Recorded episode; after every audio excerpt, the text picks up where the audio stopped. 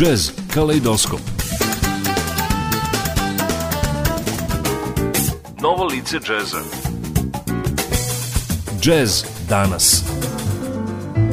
Savremeni tokovi džeza Jazz Kaleidoskop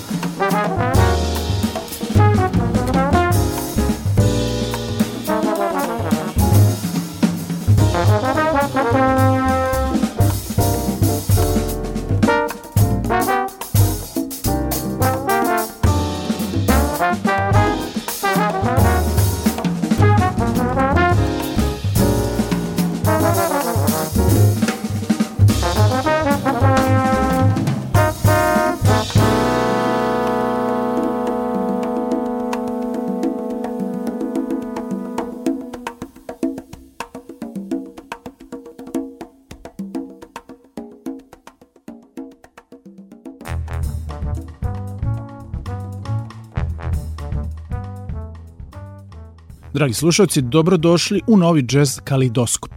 Kad pričamo o jazz sekstetu, pod tim pojmom najčešće podrazumevamo instrumentalnu formaciju sačinjenu od šest muzičara, tri duvača, recimo truba, saksofon, trombon i ritam sekcija u kojoj su pored basa i bubnjeva klavir ili gitara.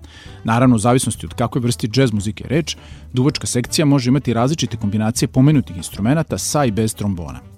Ako ste malo pažljivije slušali prethodnu numeru koja je otvorila današnju emisiju, naziva Another Happy Day – mogli ste zapaziti da se radi o jazz sextetu, ali veoma interesantnog duvačkog sazvučija. U pitanju su dva trombona. Ja priznam da ne pamtim kad sam poslednji put slušao ovakvu jazz formaciju, možda pre mnogo godina na nekom albumu poznatog tromboniste Stiva Turea, recimo.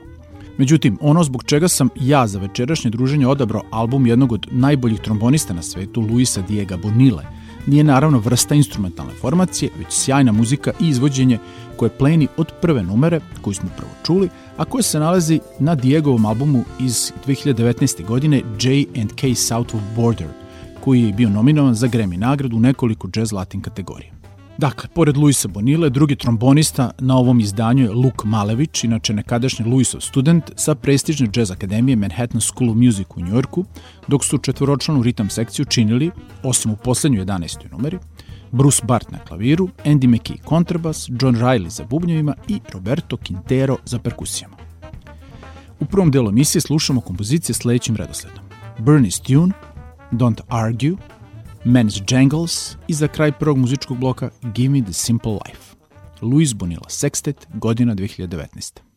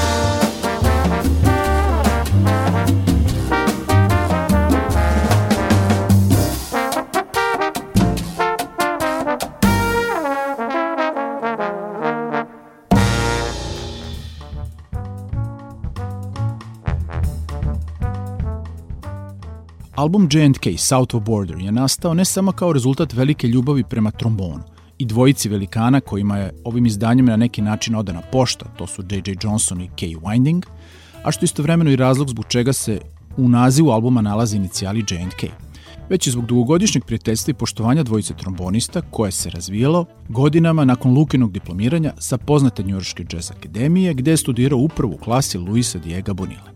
Izbor kompozicije predstavlja miks autorskih numera J.J. Johnsona i Kay Windinga, kao i jazz standarda koje su oni volili da sviraju. Aranžmane je napisao Luis Bonilla. Cijel album je sniman krajem 2016. godine, dok je audio mix i mastering urađen poslednjih dana jula 2018. godine. Sećam se kako je Luis dok smo zajedno predavali u letnjoj školi u Grožnjanu u Istri, sav uzbuđen spominjao da odmah po završetku tog jazz kampa mora da leti u New York na završni mix i mastering njegovog novog albuma. Njegovo uzbuđenje bilo je potpuno razumljivo, posebno ako se ima vidu da je prethodni autorski album Twilight izdao još 2010. dakle pre 9 godina.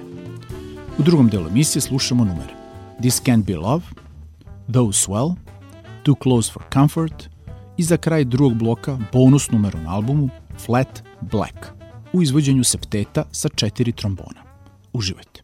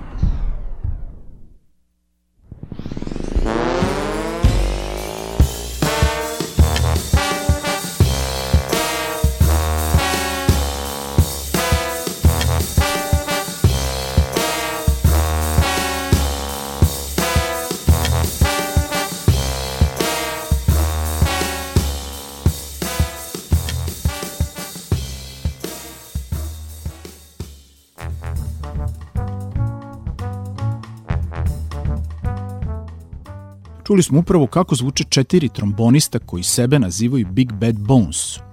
Luis Bonilla, Luke Malević, John Wow i Ryan Miller, sa ritam sekcijom koju su činili Matt Nelson, Patrick Mulcahy i Jeremy Cunningham u numeri Flat Black.